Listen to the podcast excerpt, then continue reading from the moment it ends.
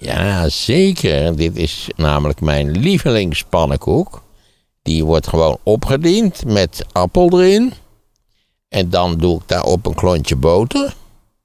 En dan daaroverheen doe ik een, een mist van, van uh, hoe heet dat spul, dat bruine spul. Uh... Stroop? Nee, nee, nee, nee, nee, kom op, uh, kaneel. Ja? Ja, de, kinderen, de kleinkinderen denken, die kijken daarna met een verbazing van... Maar het schijnt heel goed te zijn voor de hersenen, kaneel. Het verlossen, kunt u mij horen?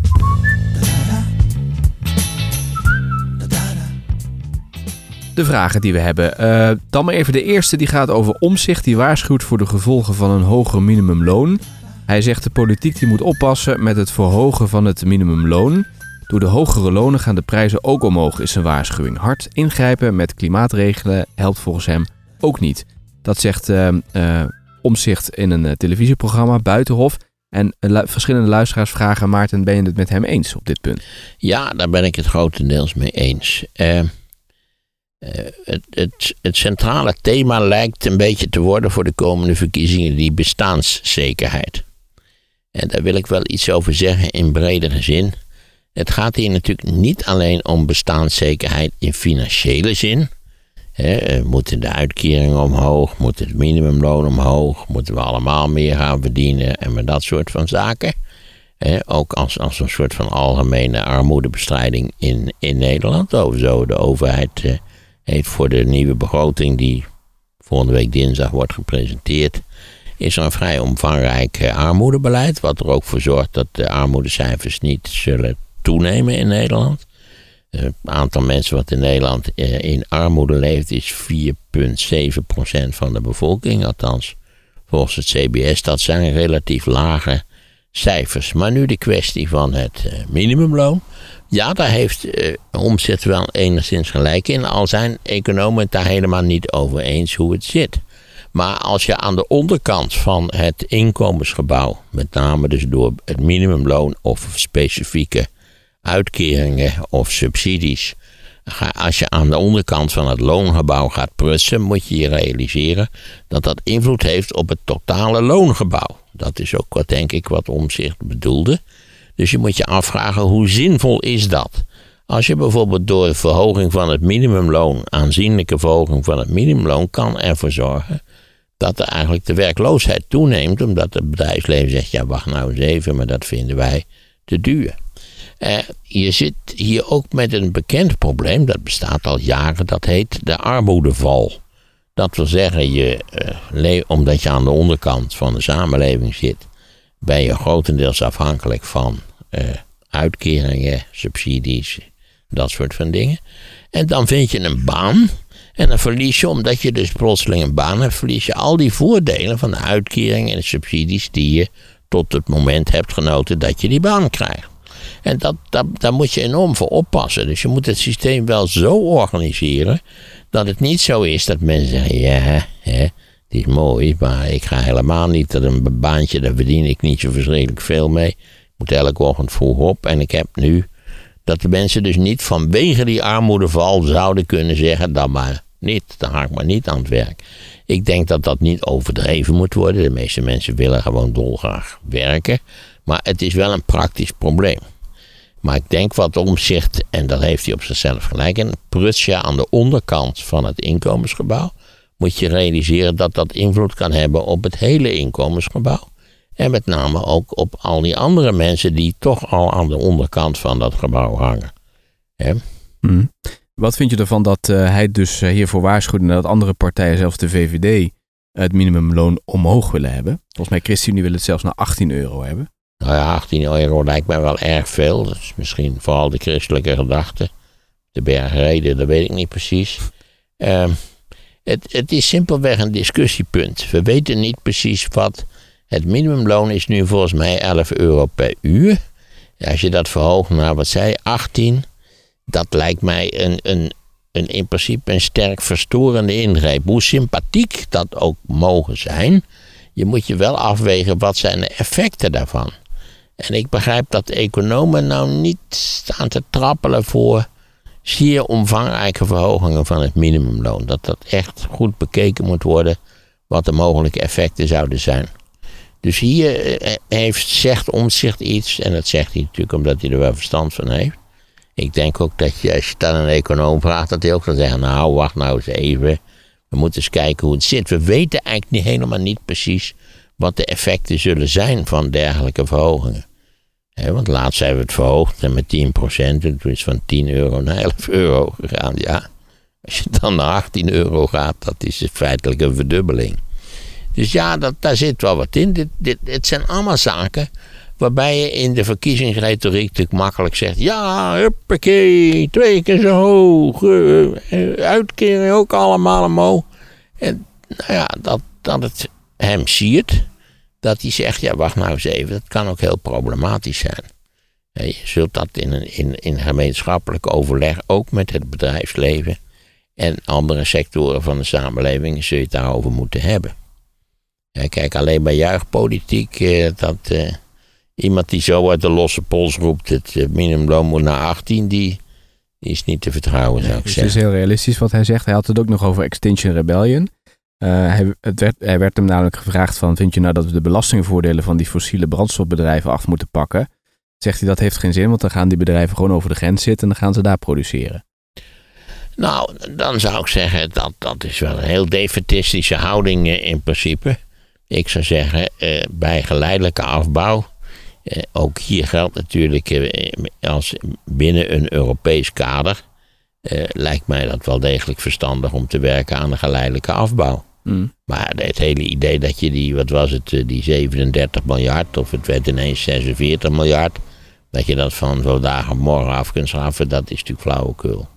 Moet je realiseren dat dat een langlopend proces is. Op zijn best over jaren. En bij al die dingen geldt, dat zul je in Europees verband moeten doen. Ja. Ja. Om zich reageerde ook nog op de uitgestoken hand van de PVV. Hij zegt van nou ik blijf er eigenlijk bij wat ik eerder zei van ik ga niet met de PVV in een coalitie zitten. Maar hij liet de deur wel nog een klein beetje op een eh, eh, kier staan. Omdat hij zegt ja, we toch kijken ook hoe de uitslag gaat zijn straks. En met wie we wel of niet willen samenwerken. Ja, dat is allemaal mooi, ik geloof er niks van. Zo, zoals gezegd, ik, eh, ik denk dat het verstandig is om de PVV buiten te sluiten. Dan hadden ze zich maar iets sympathieker moeten gedragen de afgelopen jaren. Heb je nog gelezen dat eh, Mona Keizer ehm, eh, ook het idee had om met omzicht samen met CDA te reanimeren? Om samen bij een partij te gaan? Nou ja, ik heb dat zelf voorgesteld. Dat omzicht terug zou gaan naar het CDA. Dan heb je een bestaande organisatie. Eh, Je, hebt iets minder problemen met. eh, In ieder geval heb je al 13 Kamerleden, dat ik het wel heb. Eh, Dus het de problemen zijn iets minder groot. Maar kennelijk is er zoveel oud, zie je. Dat hij daar niets voor voelde. Dus het is er ook niet van gekomen. Nee. Ik weet ook niet of ik als omzicht dat nu met Mona Keizer zou willen ondernemen. Dat weet ik niet, maar goed. Ja. Ja. Ja, iemand schreef ook in die brief, ja, dat ik die Mona Keizer wel, wel heel gemakzuchtig had afgeserveerd. Want laten we wel wezen, die Angela Merkel, dat was toch ook maar een tuthola. eh, Die, die, die geen enkele ervaring had. Ja, dat kan. Ja, ja, je hebt allerlei mensen die, die, waarvan je het niet zou verwachten, die zich ontpoppen tot, tot eh, wonderbaarlijke dingen. Wat vind jij trouwens van minderheidskabinetten? Nou, dat is in Nederland voorlopig absoluut niet nodig. Daar zou ik niet aan beginnen. Ook, als er nou iets initiatiefdodend is, dan lijkt het mij een minderheidskabinet. Want je zult, je kunt wel zeggen, ja, het is een minderheidskabinet, maar je zult toch voor alle besluitvorming toch een kamermeerderheid moeten hebben. Dus ja, eigenlijk is een minderheidskabinet is ook een meerderheidskabinet, alleen het ziet er net iets anders uit. Nou ja, maar met al die moeilijk te vormen coalities kan het misschien wel een optie zijn. Ja, maar als, als, er die, als die coalities zo moeilijk zijn, dan mag ik aannemen dat ook de, de stemverhoudingen in de Kamer problematisch zijn. Dus dan ben je eigenlijk, je bent niet veel verder. Omzicht is, Lijkt mij. Omzicht is er in ieder geval geen tegenstander eh, van. Hij zegt ik voel er wel wat voor. Ah, nou, mijn indruk is als ik dit zo hoor, dit is, kijk, hij, hij houdt het vaag, laat ik het zo zeggen. Komt pas in oktober komt hij met zijn plannen. Oh jezus, dat is pas eh, dat is eh, drie weken voordat we, Ja, vier weken voordat we verkiezingen hebben. hij zal daar denk ik tijd voor nodig willen hebben. Ja, het is wel een beetje haastwerk allemaal. En, en die Kamerleden, hebben we daar ook al een beetje kijk op? Nee. Zijn zeker allemaal ex-CDA's. Nee. Nee, dat eh, heeft hij nog, eh, wat ik zo zie, heeft hij daar nog niks over gezegd. Het ging met name dus inderdaad om het minimumloon en dat hij de PVV eh, op zich wel uitsluit omdat ze die rechtsstaat niet heel laten. Zo is het. 1 oktober, dan komt hij ook met de kandidatenlijst. Oh, nou ja, goed, dat is, dat, dat is te overzien nog. Kijk, ik kan dit allemaal wel zeggen, maar ik ga, als het een beetje wil, ik ga niet op omzicht stemmen. Ik hoop alleen, ik ben eigenlijk in die zin nogal instrumenteel gestemd ten aanzien van omzicht. Ik hoop dat hij dus de terugkeer van de VVD aan de leiding. Ja, VVD mag voor mij best blijven en, en, zelfs in het kabinet zitten, maar niet meer, niet meer de leidende partij zijn. Omzicht vindt dat alle voorzieningen die mensen nodig hebben, zoals voedsel, wonen en energie, betaalbaar en bereikbaar moeten blijven. Dat is nogal een ambitie, hè? En om dat te bereiken wil hij onder meer met de bezem door een hele serie belastingkortingen die nergens op slaan. Nou, dat klinkt me allemaal heel verstandig in de oren. Je kunt je afvragen, als je dit zo hoort, dan denk je altijd bij jezelf: waarom hebben die, die kabinetten van de afgelopen jaren dat dan allemaal niet gedaan? Hè? Hm. Ja. En dat we dus nu bij de minste of geringste tegenwind, in casu hogere energieprijzen, forse inflatie, dat, dat een miljoen mensen in Nederland onmiddellijk in de problemen raken. Hij noemde als voorbeeld een forse belastingkorting voor expats. Dat verknalt de huurmarkt, zegt de omzicht volledig in Amsterdam, want een ander kan veel minder betalen. Ja, daar kan niemand aan. eh, Dat lijkt me ook heel redelijk. Ik moet je zeggen. Mijn, mijn dochter, die zelf enige tijd expert was omdat ze in Londen woonde, verhuurde haar woning in Amsterdam. En ik vond dat daar forse eh, vergoedingen voor betaald werden. Hm. Als je dit zo hoort, dan heeft de omzicht goede kansen om de grootste te worden. Alleen heeft hij nog niet duidelijk aangegeven, gaat hij nou niet overal Hij meedoen? wil de roze niet worden, toch? Nee, dat wil hij niet worden, maar eh, hij heeft ook nog niet gezegd hoe hij dat gaat voorkomen. Nee, Ja, door niet overal mee te doen, maar, nee. maar en hoe ga je als dat ik inrichten? nu beluister wat jij voorleest, dan zeg ik, vaagheid troef. Ja, ik begrijp Nou, het toch ook wel een paar concrete dingetjes met die, eh, met die huurkortingen. Of die belastingkortingen die hij eruit wil gooien. Ja, nou ja, dat, dat juich ik allemaal toe. Sowieso is het, zou het verstandig zijn om het hele Nederlandse fiscale stelsel eens door te lichten. Omdat dat langzamerhand natuurlijk een volkomen onbegrijpelijke janboel geworden is. Ja. Dag Maarten, zou je ooit een aflevering willen doen over jouw naamdubbel Maarten van Rossum, de stadhouder van Friesland? Maarten van Rossum? Ja, ik heb een naamgenoot, maar dat is geen stadhouder van Friesland. Oh, dat zegt deze eh, brievenschrijver. De, de stadhouder van Friesland, Gelre en Luxemburg. Nee, als, als, ik, ik had een naamgenoot en dat was een, de, de veldheer. De militaire aanvoerder van de hertog van Gelderland. Hm. En die Maarten van Rossum, met wie ik overigens eh, genetisch en familietechnisch niets te maken heb, maar dan ook niets, was een hele eh, bekwame en vernieuwende veldheer. En nogal een brutaal type. Hij heeft, hij heeft bijvoorbeeld Den Haag geplunderd. Om maar eens iets te zeggen. Ik heb ook wel eens een brief gekregen van, kunt u dat zelf ook niet eens organiseren? Den Haag plunderen. Ja, dat ga ik toch maar niet doen. Er zijn mooie plaatjes van. En een aflevering maken over hem? Ik wil best wel eens, maar dat zal niet zo heel lang. Ik heb wel een boekje over die Maarten van Rossum. Maar het is nogmaals, het is niet zo dat het mijn, mijn, mijn bed, bed, bed, bed, bed overgrootvader Nee. is. Nee, absoluut niet. Hoi Maarten, de Verenigde Staten hoor ik vaak terug in jullie podcast en daar viel me iets aparts op. Namelijk in Nederland is de Verenigde Staten meervoud, ook volgens de Vandalen. Maar in Amerika zelf is het enkelvoud. Daar zeg je de United States is. Omdat ik zelf deels ben opgegroeid in de VS, klinkt dat gebruik van meervoud me wat gek in de oren. Maar bij het napluizen zie ik dat het zo correct is in het Nederlands, zegt Emiel Stuppler. Ik eh, moet je zeggen dat ik met dat probleem ook geworsteld heb. Het is een probleem. Maar ik probeer toch eigenlijk altijd, de, als het gaat de, de Verenigde Staten, dan gebruik ik altijd de meervoudsvorm. De Verenigde Staten zijn zus of zo. Ja, het, het- omdat het je hersens rebelleren is een meervoud. Als je dan van het werkwoord eh, een enkelvoudige vorm gebruikt. Ja.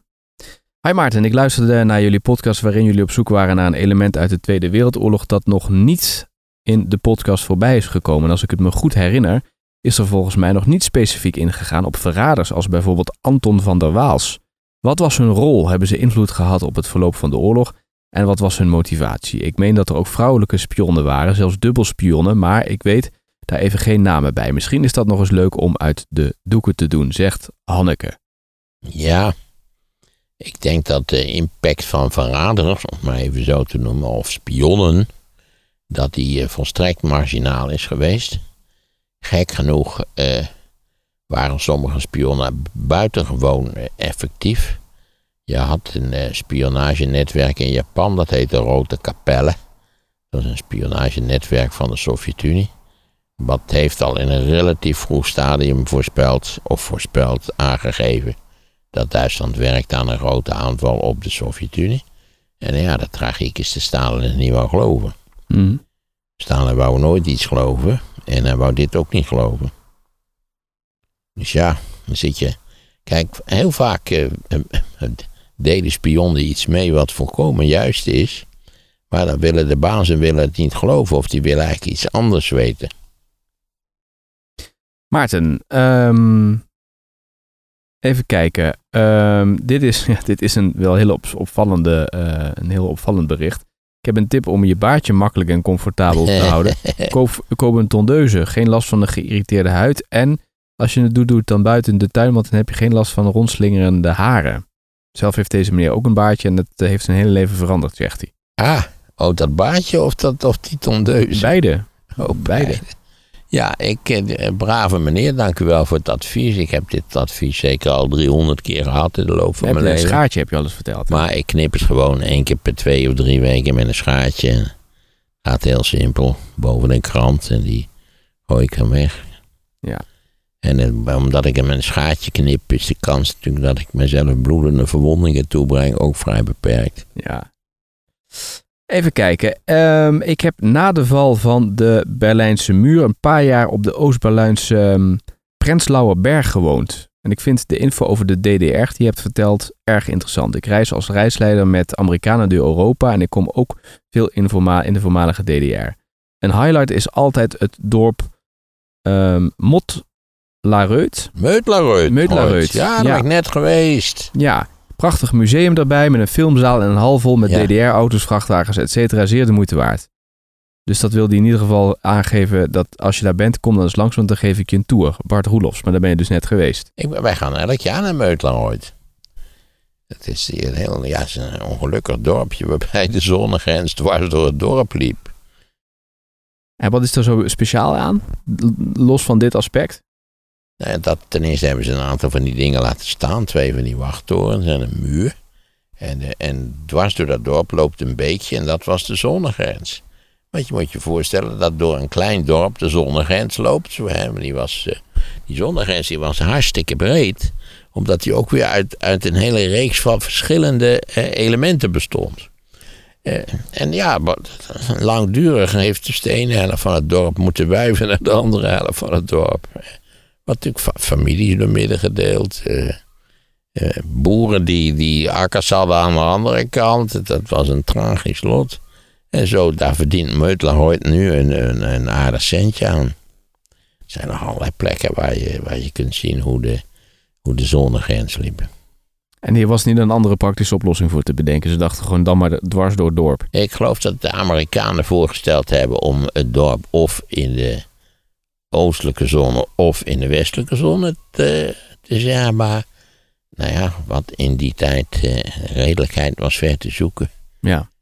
al ging het om 10 meter. Zeker dat, eh, dat eh, de Russen die wilden daar absoluut niet over praten. Meutlareut, zo spreek je het dus uit. Ja. En waar, waar ligt het? Jamie, nee, ergens in de zuidelijk, zuidwestelijke, de ex-ex-DDR, op de, op de voormalige zonnegrens. Ja, je moet denken, ik word op die reis per bus worden wij aangevoerd. En, Je hoeft niet en- zelf kaart te lezen. nee, nee, nee, dan zou ik het precies weten. Maar Ja. nu eh, rijdt de bus voor en ik stap uit. Maarten, blijkbaar werd in 1964 Jan Zwartendijk berispt door het ministerie van Buitenlandse Zaken voor zijn hulp aan duizenden Joden in Litouwen. Nu krijgt hij de hoogste onderscheiding voor daden verricht buiten een strijd. Kan Maarten iets zeggen eh, waarom men eh, het elf jaar na de oorlog nog nodig vond om hem te berispen voor iets dat toen toch al gezien zou moeten zijn als een enorme heldendaad? Ja, daarvoor moet je bij het ministerie van Buitenlandse Zaken zijn. Dat zijn, eh, ja, degene die dit gedaan heeft is een reguliere ambtelijke doorknoper. Die vond, ja, die meneer heeft gehandeld in strijd met de voorschriften, dus wordt hij wordt hij opgeschreven. Ja. Je weet absoluut zeker dat de betrokkenen niks gedronken heeft, maar je laat hem toch blazen. Ja. Maarten, eh, je benoemt vaker dat Israël op een gegeven moment het beste leger ter wereld had. Ja, omdat ze zo en net vaak weer vochten. gezegd dus. Heb je net weer verteld. Ziet Maarten een reden waarom het Russische leger zo faalt, hoewel ze sinds de jaren 80 in Afghanistan, Tsjetsjenië en Georgië hun leger hebben ingezet? Ja, ik kan alleen maar zeggen dat het eh, slecht georganiseerd is. Dat denk ik veel problemen door corruptie zijn veroorzaakt. Dus dat eh, centen die voor een bepaald doel bestemd waren door de officieren in de zak gestoken zijn. Of op het ministerie al zoek gemaakt zijn, wie zal het zeggen. Het, het is helemaal in overeenstemming. Ja, ook, ook de, de interventie in Afghanistan, dat moet je er wel bij bedenken, was een totale mislukking. Zijn- hebben ze nog tienduizenden mensen verloren. En iedereen was er wel over eens dat ze dat beter allemaal niet hadden kunnen doen. Sowieso zijn natuurlijk de interventies van de twee supermogendheden, Verenigde Staten en Rusland. Ik, allemaal, ik, zou, geen interventie weten die een beetje behoorlijk is afgelopen. Nou ja, misschien dat de, redding van Zuid-Korea, dat, dat is misschien de enige. Zuid-Koreanen hebben er iets van gebakken, dat moet je wel toegeven. Maar de hele rest, eh, of het nu Russen of Amerikanen, denk aan Vietnam. Ja, daar zijn toch bijna 60.000 Amerikanen gesneuveld. Ja. Maar wat hij natuurlijk ook bedoelde is van ze hebben zoveel ervaring kunnen opdoen. Waarom ja, die dan? ervaring was niet indrukwekkend, omdat daar ook al alles van alles misging. Wel is het zo dat als je naar die Tweede Wereldoorlog kijkt, dat ze wel, wel eh, leergedrag vertonen. Dat ze toch, nou ja, daar hebben we het uitgebreid nu net over gehad, dat ze wel begrepen wat je moest doen om die Duitsers op te vangen. Ja. Om die Duitsers partij te geven, maar daar steeds afhankelijk waren van enorme getalsmatige en materiële eh, superioriteit. Maarten, weet je al dat Hongarije braaf nieuwe wetgeving heeft aangenomen voor het verstevigen van de democratie? Dit nadat de EU aanwijzingen had gegeven in ruil voor het eh, vrijgeven van funding uit de coronanoodhulpfondsen. Ja, dan weet je al waarom Orban dit gedaan heeft. Hij wou daar geld. Hij heeft ook weer een paleis voor zichzelf gebouwd. En een voetbalclub van de dorpse voetbalclub gesubsidieerd. Nou ja, kortom, de bekende corruptiegevalletjes zal ik nou maar even zeggen. Of die ook die wetgeving ongetwijfeld, die heeft die aangenomen, of die dat ook effectueert, dat is vers 2. Als het over geld gaat, is Orban altijd, staat Orban altijd op de eerste rij. Omzicht heeft eh, geen zetels in de Eerste Kamer. Andere vraag. De BBB zal volgens de peilingen lang niet zo'n groot aandeel zetels in de Tweede Kamer krijgen als ze in de Eerste Kamer hebben. Is de conclusie dan niet gewoon dat de Partij van Omzicht en de BBB aan elkaar vastzitten en dat we inderdaad een nieuw CDA hebben zonder wie een regering eigenlijk niet te vormen is? Nou, daar zit wel wat in, denk ik, ja. Ik weet niet precies hoe de getalsverhoudingen zullen uitpakken op 22 november. Want je moet natuurlijk ook even kijken, de partijen die het beste scoren. Dat zijn dus de potentieel omzicht. Eh, de BB iets minder dan we misschien onder deze omstandigheden hadden gedacht. De VVD scoort nog steeds heel redelijk. En de, de linkse combi eh, eh, scoort ook heel behoorlijk. Al was geloof ik het Timmermans-effect nu uitgewerkt. Ja, deze vragensteller, ik zal even kijken hoe die heet. Bart, Bart de Goei. Die zegt ook aangezien de combinatie GroenLinks-BBB onwaarschijnlijk is gezien de verschillende visies op milieu en landbouw, ligt een combinatie in de coalitie van de VVD, de Partij van Omzicht en de BBB voor de hand. En die heeft dan wel gedoogsteun van de PVV nodig. Nou, dit ja, zou kunnen. Nogmaals, het hangt af van de verkiezingsuitslag. Oké. Nou, dan nog de laatste vraag. Ik, Eh, zie, ik zie om zich niet van harte met de PVV in zee gaan. Nee, dat heeft hij dus nu eh, bij deze dus ook al uitgesloten dat hij dat niet eh, gaat doen. Ehm, ja, even kijken. Mijn moeder was recentelijk op vakantie in het Balkangebied en ze vertelde hoe ze was geschrokken over de diepe afschuw die de regio's nog eh, voor elkaar koesteren. Naar mijn mening hebben geen van die landen in de komende tijd zin in een conflict, maar volgens mijn moeder zou dat nog wel eens anders kunnen zijn. Daarom mijn vraag aan u, Maarten. Wat denkt u over de huidige situatie van de oud-Joegoslavische landen? En over de toekomst van deze landen met een deels toch tragische geschiedenis, vraagt Lucas. Ja, Nou, deels zijn natuurlijk de samenstellende delen van Joegoslavië al lid van de Europese Unie geworden. Dat geldt per slot van rekening voor Slovenië en Kroatië. Die zijn overigens wel lid geworden en meteen ontevreden geworden, geloof ik. Dat schijnt het normale patroon te zijn daar in Oost-Europa. Je hebt wel eens de indruk dat ze daar eigenlijk altijd overal ontevreden over zijn. Eh, maar ik zou zeggen, dat we, daar resteert natuurlijk nog eh, eh, een aantal kleinere onderdelen van, eh, van Joegoslavië. Nou, kleine, Servië natuurlijk. Wat ook in principe geïnteresseerd is. Ik zou zeggen, maak ze maar lid van de Unie en stel voorwaarden. Omdat je natuurlijk anders allerlei gekloot kunt krijgen op die Balkan. De Balkan is. Je weet dat ze de, hun grootste liefhebberij is het door eh, het hals afsnijden bij de buurman. Dat is gewoon, ja, dat vinden ze daar fijn. En heb ik een nooit die anekdote over Wageningen verteld. Ik las in, ik las in de krant tot mijn stomme verwondering. Ik ben in Wageningen opgegroeid. Eh, twee moorden, twee doden in Wageningen. Bij bruiloft. Ik denk, dat kan niet. In Wageningen twee doden bij een bruiloft. Wat is dat nou? Dus ja, ik denk, ik heb het even onderzocht. Het was een Joegoslavische bruiloft. Ik denk, oh ja, dan valt er maar nog mee, twee doden. Hè? Dat er überhaupt nog iemand in leven is gebleven. Nou ja, dit is een beetje flauw, maar dit, was een, dit is een werkelijk bestaand verhaal dat iedereen kan checken. Eh, ja, ik zou dus die landen in de, in de Balkan, eh, zou ik, ook Servië, sorry. Ja, het zijn geen fijne landen. Zijn landen met een gruwelijke traditie. Maar het, het, ze- ze worden, als ze buiten staan, worden ze lastiger. Hoe is het ook alweer? Better standing in the tent, pissing out. Dan out Ja. of the tent, pissing in. Dat werk was Lyndon Johnson toch, deze... Ja, en wat Hugo de Jonge nog over Siewert zei. Oh, dat wist ik niet. Oh, dat wist ik niet. Nou, het is een bekend citaat kennelijk. Eh, dus ja, ik zou zeggen, dat geeft problemen. Ik, en Frankrijk en Nederland schijnen sowieso dwars te liggen. Dus kennelijk, gaat kennelijk niet gebeuren.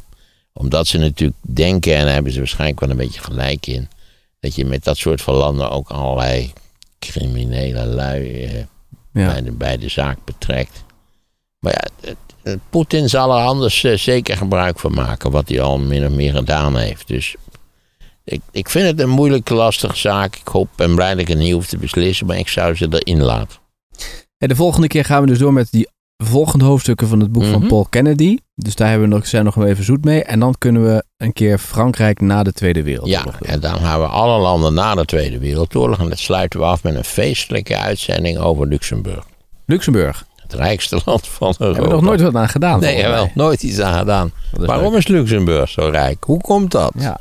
Ja, leuk. Denk aan die, aan die tankstellen daar, weet je niet, als je uit Frankrijk Ja, ja. komt. Daar, die 83 benzinepompen. Heel groot station. Ja. Ja.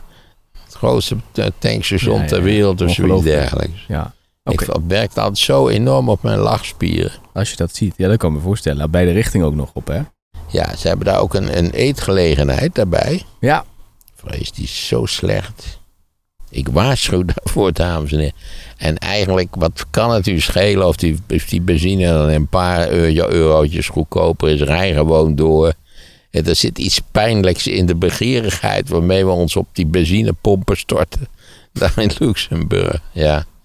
Ik zat, ik geloof, wij zaten eens met de kinderen in een hotel in Bollendorf. Volgens mij is dat ook Luxemburg. En dat zat helemaal vol met van die Duitse echtpaar. En die, die ja, onze kinderen waren ook eh, misschien wel een beetje ongezeggelijk. En zaten wel eens onder de tafel en zo. Nou, nou, nou.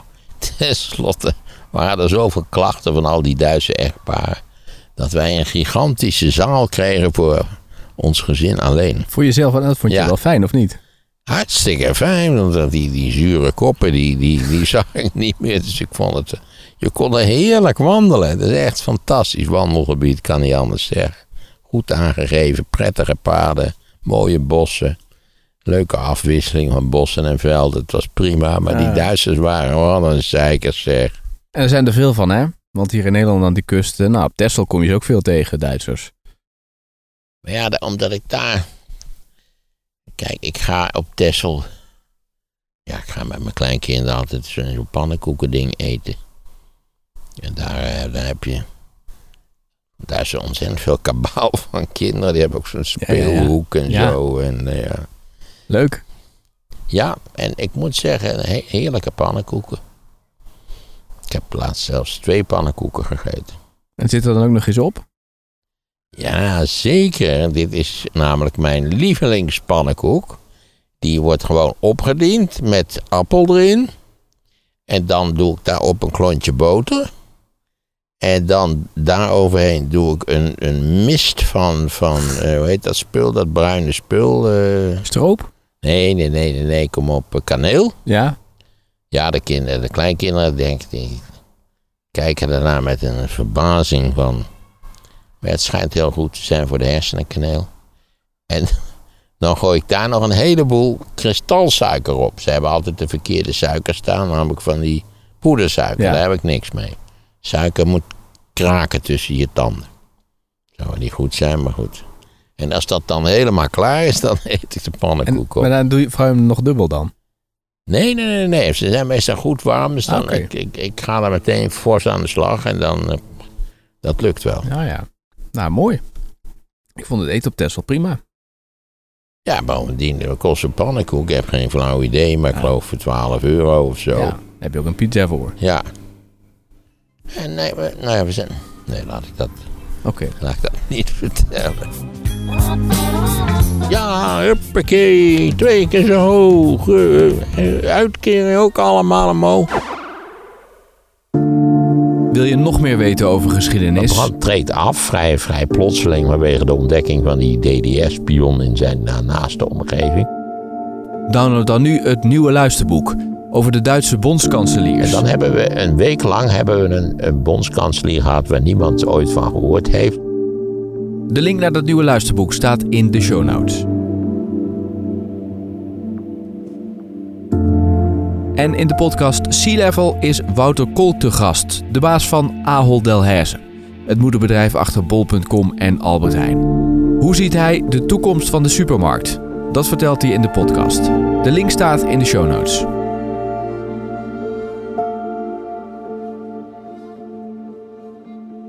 En in de podcast Sea Level is Wouter Kool te gast, de baas van Ahold Delhaize, het moederbedrijf achter bol.com en Albert Heijn.